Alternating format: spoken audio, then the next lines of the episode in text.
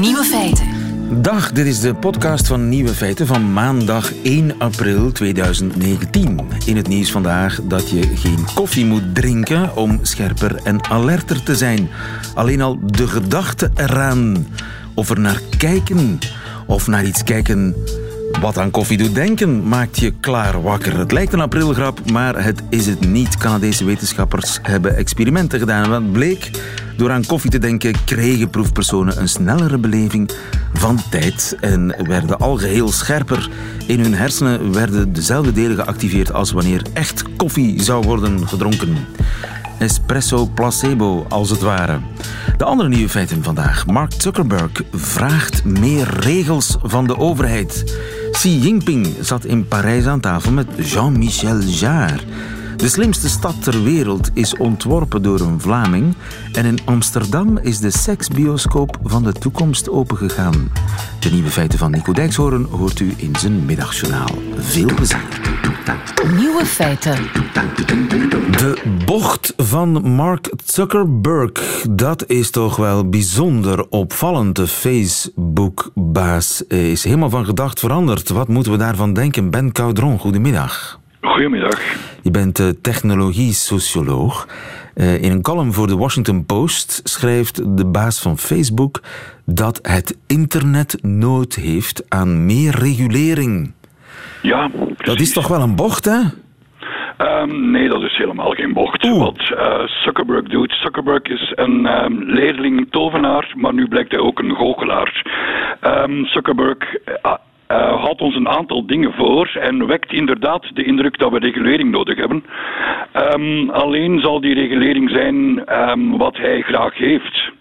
Dus van een bocht zou ik helemaal niet spreken. Maar een paar maanden geleden nog zei hij in een confrontatie met de hoge omes van de Europese Unie. Dat heeft hij dure beloftes gemaakt. Dat hij Facebook zou schoonvegen, schoonmaken, de algoritmes aanpassen, een beetje aan knoppen draaien. En zo fake news de wereld uit helpen. En nu roept hij de overheid ter hulp. Nu zegt hij toch, ik kan het niet. Uh, ja, maar er is ondertussen wel een en ander veranderd. Zolang het enkel de Europese beleidsmakers zijn, um, viel dat nog een beetje te controleren. Uh, dat hebben we gezien toen de GDPR in voege trad. Heeft Facebook um, daar vrij snel en vanuit Facebook-termen accuraat op gereageerd. Door het grootste deel van de gebruikers gewoon uit Europa te onttrekken, tussen aanhalingstekens. Maar nu zitten we in een andere realiteit. Um, de realiteit waarin je ziet dat Amerikaanse beleidsmakers plots ook luidop beginnen praten over regulering en uh, nog Ja. erger over het uiteenhalen van het bedrijf. Ja. En um, waar Zuckerberg nu om te doen is, is om um, die plannen uh, om die voortijdig af te voeren door uh, zich zeer bereidwillig te tonen in de algemene idee van regulering. Dus hij speelt eigenlijk uh, hoog spel, hij speelt stratego, hij doet alsof hij meer regulering wil, maar eigenlijk wil hij niet de regulering die op hem afkomt. Uh, precies, zo kan je het stellen. Um, je hebt daar enerzijds de zeer politiek geladen uitspraak van Elizabeth Warren, die um, openlijk pleit voor het opsplitsen van Facebook. En Elizabeth uh, Warren, dat is uh, presidentskandidaat, geloof ik, hè? Um, die maakt inderdaad deel uit van het um, uh, schouwspel wat zich nu steeds duidelijker begint af te spelen. Um, mensen nemen positie in. En Facebook maakt op dit moment zoveel deel uit van het doorsnee leven dat tijdens een verkiezingscampagne ook over Facebook moet gepraat ja, ja. worden. Ja. Maar uh, stel nu dat hij toch meent, hè, uh, oh, liefste overheid, geef mij wat meer regels, want ik kan het zelf niet aan. Uh, mm -hmm. Is Europa klaar om die regels te bedenken? De vraag is of het enkel Europa is um, wat de regels moet bedenken. Als je kijkt, de GDPR um, heeft toch wel een effect gehad. Je kan heel veel vragen stellen bij de complexiteit van dat kader. Maar Zuckerberg verwijst in zijn stuk in de Washington Post zelf naar de GDPR, GDPR als voorbeeld. en dat heeft ook alweer een andere uh, bedoeling. Wat Facebook zeer graag zou hebben, wat Zuckerberg heel graag zou hebben, dat is dat er een regelgevend kader komt op federaal niveau. waarmee hij ehm, de initiatieven die op dit moment bezig zijn, de pas kan afsnijden. Het is veel makkelijker uh, om te lobbyen voor of tegen op federaal niveau dan te moeten gaan lobbyen op niveau van individuele staten. Ja, je bedoelt Amerikaans federaal niveau. Precies, ja. En daar uh, is, uh, daar gebeurt het. Ik bedoel, of Europa nu regels maakt of niet, dat is eigenlijk voor Facebook niet zo belangrijk. Want zij hebben allerlei ontsnappingsmogelijkheden voor die regels, mochten zij zich daar niet aan willen houden. Precies. De brief die, um, of het opiniestuk van Mark Zuckerberg was deze keer echt niet bedoeld voor Europese beleidsmakers, maar voor um, de Amerikaanse um, beleidsmakers ja. en het Amerikaanse publiek. Het was eigenlijk operatie schade beperken uh, in uh, zijn geval. De zoveelste, ja. ja. En uh, kunnen regels fake news de wereld uithelpen? Um, nee, om de simpele reden dat het totaal onmogelijk is om exact af te bakenen wat fake news is. Trouwens, hij heeft het eigenlijk ook niet langer over fake news, maar over hate speech, de opvolger van fake news. En ook daar zit je met een geweldig groot probleem. Um, ik denk dat er geen zinnig mens is die um, je zal horen zeggen dat het um, fijn is om haatboodschappen te verspreiden. Alleen over wat dan precies die haatboodschappen zijn, daarover zijn we het minder eens. Want ja, dat is toch een van de grootste problemen van deze tijd. Hè? Dat mensen die nu opgroeien, al van kindsbeen af, eigenlijk met niets anders geconfronteerd worden via Facebook, hun enige nieuwsbron vaak. Niets anders dan wat hun ideeën bevestigt. Dus je krijgt eigenlijk een soort tunnelvisie. Juist. En dat is het einde van de samenleving. Als iedereen in zijn eigen tunnelvisie zit, ja, dan hebben we geen samenleving meer. Wel, er is een opvatting die zegt dat een gezonde democratie kritische, ingelichte burgers nodig heeft. Juist. En um, ja, dan ziet het er op dit moment niet goed uit. Maar de maatregelen die Facebook voorstelt, zoals het in het opiniestuk ook staat, um, samenwerking met onafhankelijke partijen, dat is gewoon de uh, hete aardappel doorschuiven en afleiden van um, iets wat Facebook wel kan doen. De algoritmes van Facebook kunnen zo getuned worden dat we niet systematisch in een uh, cognitieve bubbel worden geduwd. Uh, het algoritme kan beslissen om ja. ons ook andere content aan te bieden, alleen dat vinden wij niet leuk. En als we het niet leuk vinden, dan gaan we weg van Facebook en dan valt er minder data te rapen. Juist. Dus eigenlijk de sleutel zit bij Zuckerberg zelf. Absoluut.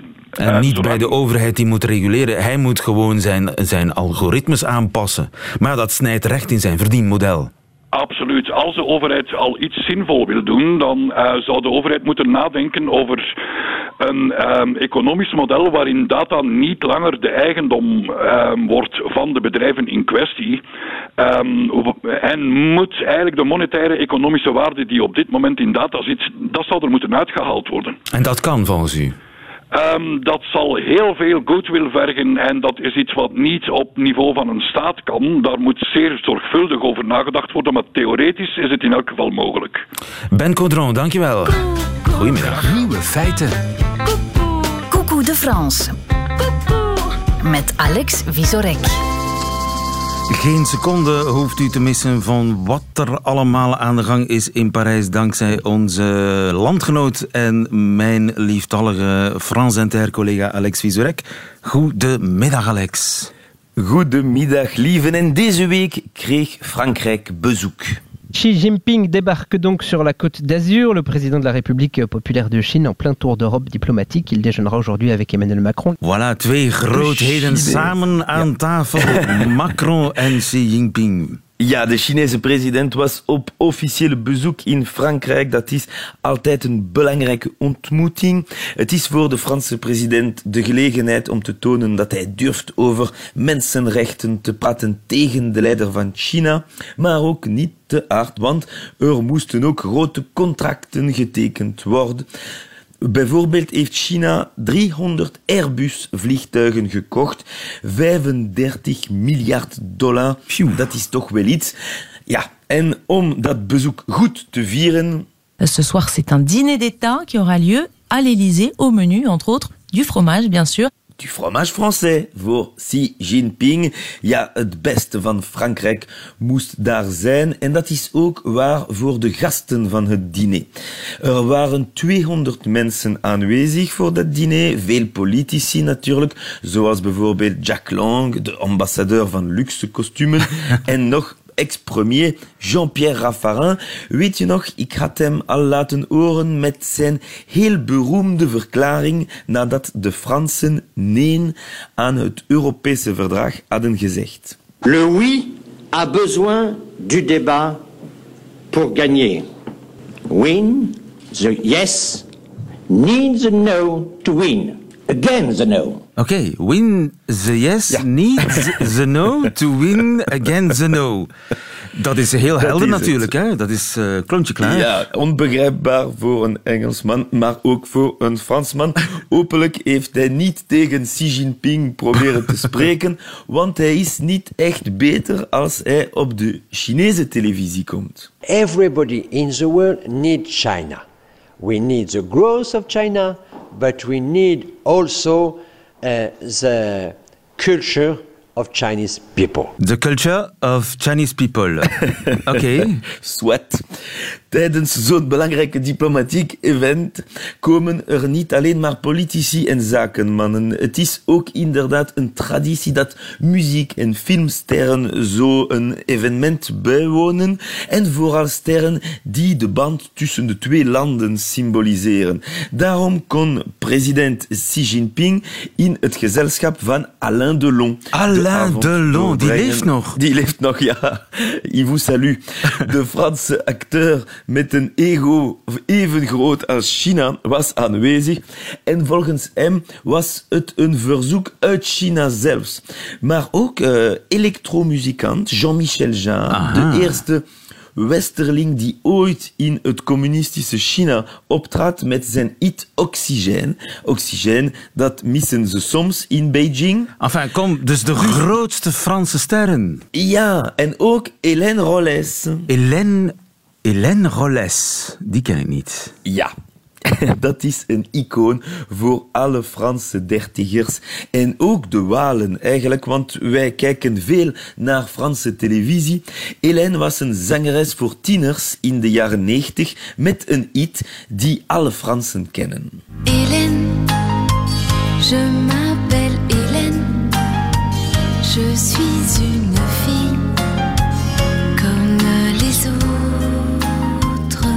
prachtig. Je vindt eer- eerlijk gezegd haar muziek in de categorie kitsch terug. Aha. Ze kreeg ook haar eigen sitcom op tv. De Amerikanen hadden Beverly Hills 90210. De Fransen hadden Hélène et les garçons.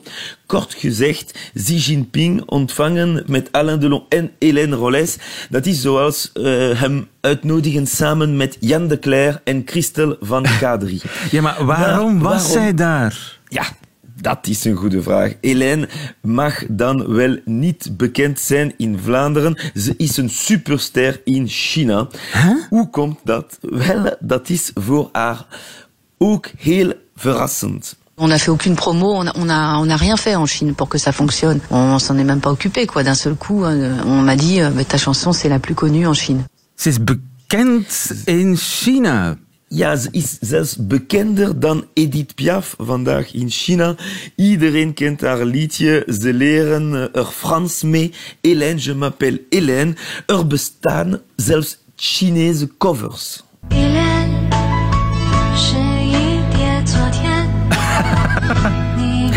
En die Wally achterna. Baobei. Inderdaad. Hélène is dan ook beginnen te leren om in China te kunnen zingen. En dat is niet verwonderlijk, want alle concerten die ze daar geeft zijn uitverkocht. Ook al kosten tickets 180 euro. Voilà. Dus zij is een culturele ambassadrice van Frankrijk in China. Hélène. Ja, ik weet niet eh, als het voor eh, de Franse cultuur eh, een eh, plus-value is. De nu beroemde Jean-Pierre Raffarin zei ooit... I think that the main quality of China is to be predictable. Predictable, voorspelbaar. Predict Maar als hij had kunnen voorspellen dat een idool van de jaren 90 de populairste Franse in China zou zijn, dan konden wij zijn accent excuseren. Het zal een toevalstreffer geweest zijn. Dankjewel, Alex Visorek, onze man in Parijs. Goedemiddag. Tot volgende week. Nieuwe feiten. In Songdo in Zuid-Korea zijn de appartementen uitgerust met een bodyscan. En die bodyscan die verwittigt indien nodig zelf de dokter. Als je die bodyscan vaststelt dat er iets niet pluis is in je lijf. En dat is maar een van de vele snufjes die bedacht zijn door John Bakelmans. Dag John. Dag, goedemorgen lieven. Goedemiddag is het hier, maar wie weet eh, in welk werelddeel jij zit. Op een heel mooie zonnige plek. Aha. Philippe en Mathilde, de koning en de koningin, die zijn eh, in Zuid-Korea op bezoek geweest. In jouw stad, mag ik eigenlijk wel zeggen, hè? in Songdo.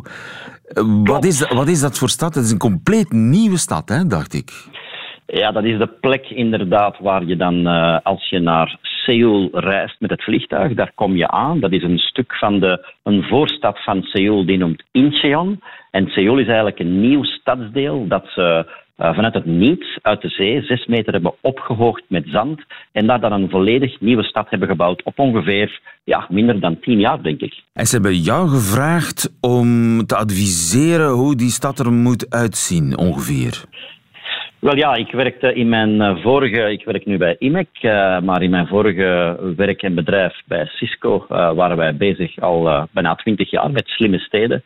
En Korea was toch een van die plekken waar eh, heel veel eh, vraag was. Uh, er zijn natuurlijk in die regio heel veel eh, innovaties, maar Korea was een van die plekken waar, waar concrete vragen waren. En daar ben ik als eerste naartoe gegaan om daar toch, eh, ben ik heb daar bijna drie jaar gewoond. Bijna drie jaar gewoond om eigenlijk de stad van de toekomst te bouwen. Eh, het is een stad met een controlekamer, hè?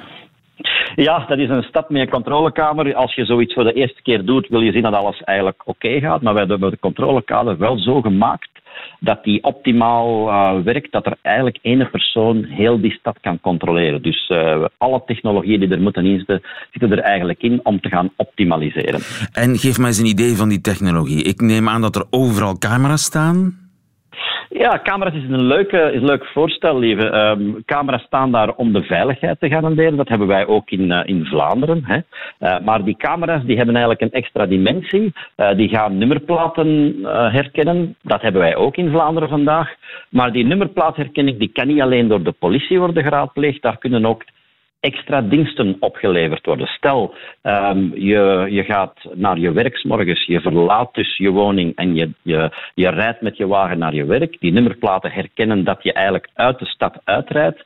Dan gaat, eh, als je de dienst hebt eh, genomen, dan kan je bijvoorbeeld ervoor zorgen dat heel je appartement op een lage energiestaat staat. Dus als je iets zou hebben vergeten af te zetten, dan Ja, gaat de technologie ervoor zorgen, doordat het weet dat je uit de stad rijdt, dat je eh, veilig bent, dat je, eh, dat je appartement afgesloten is, maar dat ook alles afstaat wat zou moeten afstaan. Dat zijn van die dingen die je kunt kopen bovenop diensten waar je vandaag natuurlijk een volledige scheiding hebt. In Vlaanderen is dat volledig gescheiden. Het, het nummerplatennetwerk van, van, eh, van de politie, daar kan geen andere dienst worden op geleverd. En privacy, daar malen ze niet om eigenlijk. Daar zijn ze niet mee bezig. Goh, da- daar, daar, daar ligt men niet zozeer van wakker als men daar maar diensten voor terugkrijgt die mijn leven beter maken. En daar gaat het over. Mensen willen daar optimaal gebruik maken van technologie om hun leven eigenlijk te gaan verbeteren. En als die, leven, als die levensstandaard kan verhoogd worden, dan durven ze al eens een oogje dichtknijpen voor die privacy, inderdaad.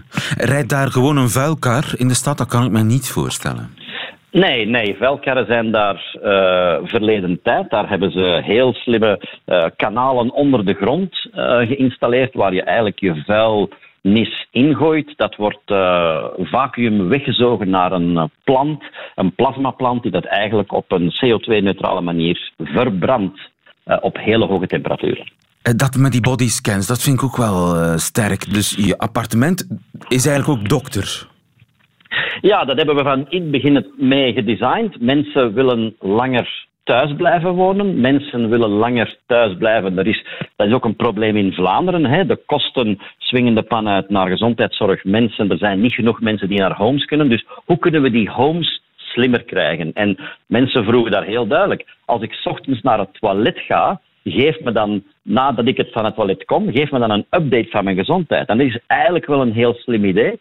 Ehm, dat Het is je eigenlijk de toiletpot die dokter is. Ehm, onder andere, ja. Dus, eh, dus, dus hij gaat analyseren wat, er, eh, wat, wat, je, eh, wat je hebt teruggegeven aan de wereld. En, en dat, dat kan op een heel simpele manier zeggen: "Goh, ik zie toch een, een abnormaliteit. Ik stuur dat door naar een dokter. En dan kan een dokter je, je connecteren. En dan kun je zelfs met de dokter rechtstreeks praten. Want ook al die appartementen hebben een, een hoge definitie videoconferencing systeem. Waarbij je rechtstreeks in contact kan komen met een dokter. Maar die systemen kunnen bijvoorbeeld ook gebruikt worden om Engels te gaan leren. Dus die systemen staan ook in contact met een soort, eh, eh, een soort online shop waarbij je eh, Engelse, Engelse eh, professoren kan gaan, kan gaan kopen voor een uurtje om je kinderen beter Engels te gaan leren Ja. van, vanuit het comfort van je woning. Dus dat is een heel mooi verhaal. Ja, dus eigenlijk is alles met alles verbonden. Daar komt het eigenlijk op neer. Dat is de key, dat je alles met alles verbindt, dat je heel veel data hebt waar je, die je met elkaar gaan combineren. Als je inzichten krijgt in die data, kan je heel veel dingen gaan optimaliseren.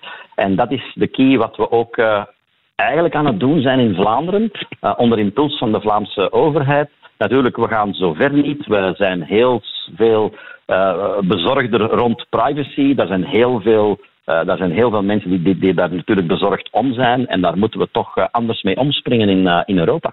Maar dat is de richting waar het uit zal gaan. Of je dat nu wil of niet. Eh, vroeg of laat zullen we de rekening maken en zeggen: ja, god, als we zoveel comfort en gemak ervoor in de plaats krijgen, dan leveren we wel wat privacy in.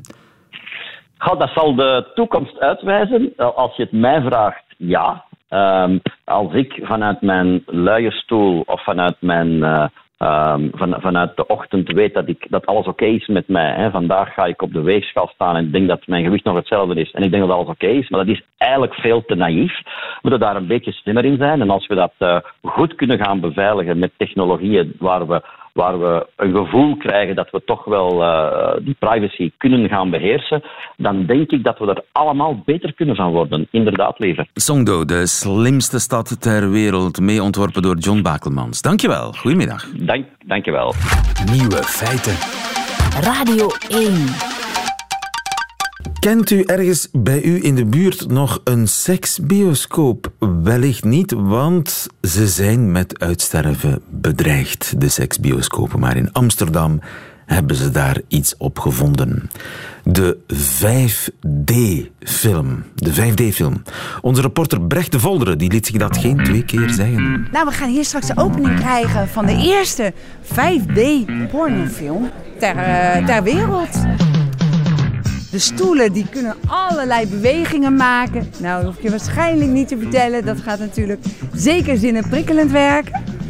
En ehm, ik kan je voor alvast verklappen dat je op het einde hou je het niet droog. Maar je moet het zelf ervaren. Het is een echte, eh, ja, ik noem het een, een, een, een, een totale nieuwe ervaring om een eh, film te kijken. Er zijn bubbels, er is wind, er is water, er is sneeuw, er is van alles licht uiteraard, eh, geluid, er is van alles te beleven. Mijn microfoon, kan het aan? Eh, ik, zou- ik zou het buiten laten staan, want het zou zonde zijn als er iets kapot gaat. En ja, zoals al gezegd, eh, er zijn wat elementen waardoor het wellicht niet he- helemaal droog blijft. Ik hoorde dat zelfs geur een van de dimensies is. Ja, dat is, eh, dat is erbij verzonnen door een krant, dus dat is niet het geval. Eh, het, het, het zal niet gaan ruiken, gelukkig. Het is ook niet zo dat je alleen maar naar eh seks zit te kijken. Want je heeft een hele mooie opbouw. Er zit een stukje romantiek in. Een stukje dat je echt weet, oké, wat waar is Amsterdam bekend om? En je krijgt natuurlijk, en dat hoort er altijd bij, een mooi hoogtepunt. De meiden, de mooie meiden die er allemaal zijn, die doen, spelen allemaal een rol in de film. Dus we hebben natuurlijk wel echt Nederland, eh, Holland op de kaart gezet. Eh, wat ik nu zie is inderdaad 3D. Hè? Ja, ja, ja, dit, Dit is is echt, 3D al, hè? Dit is wel 3D. Ja, kan je nagaan als er nog een paar dimensies bij komen, hè? Er is ook een komisch stukje in, dus het is lachen, het is een beetje seks, het is... maar het is geen opwinding, denk ik, als je hier naar kijkt. Ja, zoals dat ze al zeiden, het draait echt om de beleving met dit. Ah, dus het is echt een, een soort eh, attractie, een, een kermis. eh. Dat eerder zo is, ja. ja. Als jij een, eh, een filmmaakster bent, ja. dan kan je misschien wel bevestigen dat de sector een beetje op zijn gat ligt nu. Het is moeilijk, hè, voor de porno? Heel moeilijk. Omdat er veel te veel gratis te verkrijgen is ook. Hè. Dat maakt het heel moeilijk. Ja. Om nu nog iets op te starten dat rendabel is in de porno is, is niet meer mogelijk. Of je moet creatief zijn, zoals hier. Ja, oké, maar dan spreken we over heel andere budgetten hè, dat erin gestoken kunnen worden. Als beginnend kleine zelfstandige is dat niet mogelijk om zoiets neer te zetten. Je hebt wind, dus dat voel je uiteindelijk ook. Wind. Ehm, je hebt een shock, schok, dat voel je ook. Ja, en dat laatste, ja, je moet het zelf ervaren. Hè? Als ik het nu ga, ga verklappen, het is leuk om tot het laatste moment te denken... wat gaat er allemaal verder gebeuren? Maar er zit ook nog iets heel romantisch bij. Je krijgt ook nog mooie bellenblazen. Dus ook dat zit er nog bij. En het verhaaltje is kort, maar wel een rode draad. Ja, nou, het was eh, veel bubbels, veel saus. Er zit nog wat schuim in je haar, merk ik. Ja, ik hoor dat je ook nog een beetje buiten adem bent. Ik moet eerlijk gezegd nog gaan kijken, maar... Ja, eh, nee, het was, eh, ja, nee, het was inderdaad eh, nee, het was een eh, behoorlijk eh, uitputtende film. En je doet ongewild mee. Ehm, nou, ik moet zeggen, ik had me eerst mijn twijfels erbij, maar het was toch ja, erg prettig om dit mee te maken. Ik moet zeggen, ik had er minder van verdacht dan wat het uiteindelijk geworden is. En volgens mij, eh, ik voelde het ook onder me een beetje gaan glijden. Volgens mij waren er veel mensen echt bijna van de stoel gegleden hoor. Het was maar goed dat er riemen op de stoelen zaten, zeg maar. Hier zit ik dan al drie minuten te schudden, lieve. Met, eh met z'n 18 zijn we begonnen aan 3D-rondleidingen door Amsterdam. Pikante deel van Amsterdam, zeg maar. Dat het hier kan waaien.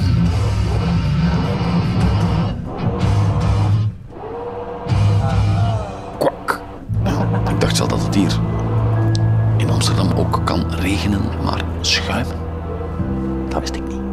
Schuimen. Het was een beetje te kort om van opwinding of zo te spreken, maar eerder, eerder ik hoop dat mijn kinderen niet luisteren, Walibi.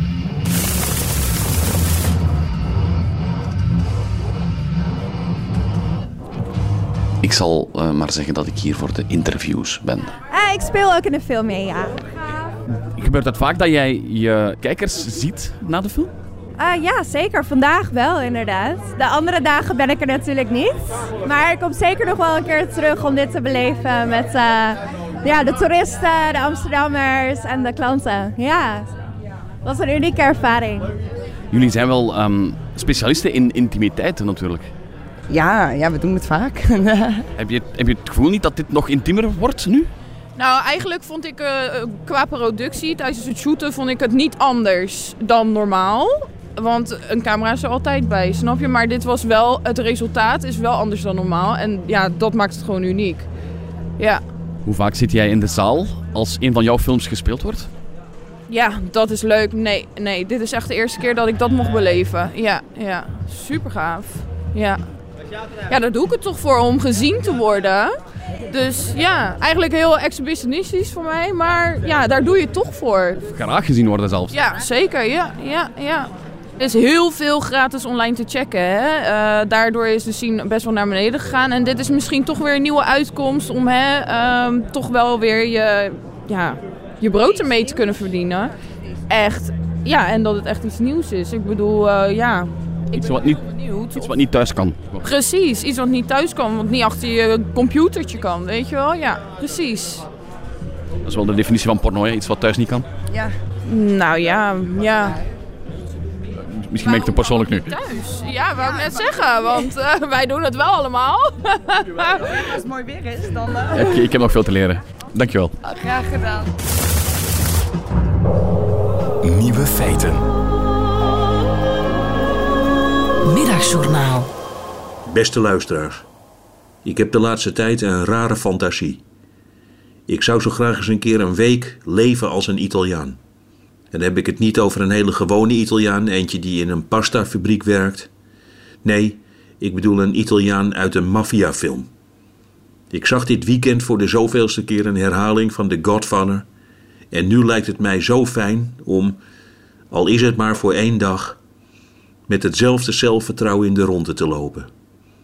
Het is bijvoorbeeld ook zo dat als ik op een terras zit en er een straatmuzikant vlak voor mijn tafel een heel slecht liedje van Neil Young speelt, dat ik dan moet luisteren, of ik wil of niet. Een echte Godfather-Italiaan, die zou het nooit zo ver laten komen. Die staat op, die vraagt of hij dan even naar die gitaar mag kijken. Hij vraagt of hij hem even in zijn handen mag houden. Daarna vertelt hij een verhaal. Hij zegt: Mijn vader, die had ook zo'n gitaar. Daar speelde hij op voor hij ons in elkaar sloeg. Deze gitaar die doet mij denken aan mijn papa. En ik wil nooit meer denken aan mijn papa, want hij zwemt met de vissen, die vuile rotzak. Nooit zal hij zijn kleinkinderen nog zien. En daarna dan met drie korte slagen die gitaar helemaal aan stukken slaan, rustig gaan zitten en nog een glaasje witte wijn bestellen. Het komt, denk ik, overal van pas. Als er mensen vlak voor mij in de bioscoop zitten te praten, bijvoorbeeld, gewoon even op hun rug tikken en dan als een Italiaan zeggen: Goedemiddag. Lucio Fontana, de varkensslachter, doet jullie de groeten. Ik wil ook, als een echte Italiaanse gangster, heel ontroerd aan een aubergine voelen. En dan wil ik dingen zeggen als mijn mama. Mijn mama voelde ook aan een aubergine. En daarna beviel ze van haar zestiende kind. Mijn kleine broer Lucio Margiano. Dat vind ik ook zo mooi, luisteraars. Dat alle stoere Italianen een naam hebben die op een heel rijp buitenlands kaarsje lijkt. Luisteraars, de mogelijkheden zijn onbeperkt als je een Godfather Italiaan bent. Gewoon op Herman Brusselmans aflopen, hem een schaar geven en dan alleen maar zeggen: Hier, die is voor jou, knippen, tot boven je oren. Net als mijn overleden lievelingszoon Vincenzo Calvitore. En als je er één woord over schrijft, ligt er morgen een dood konijn voor je deur.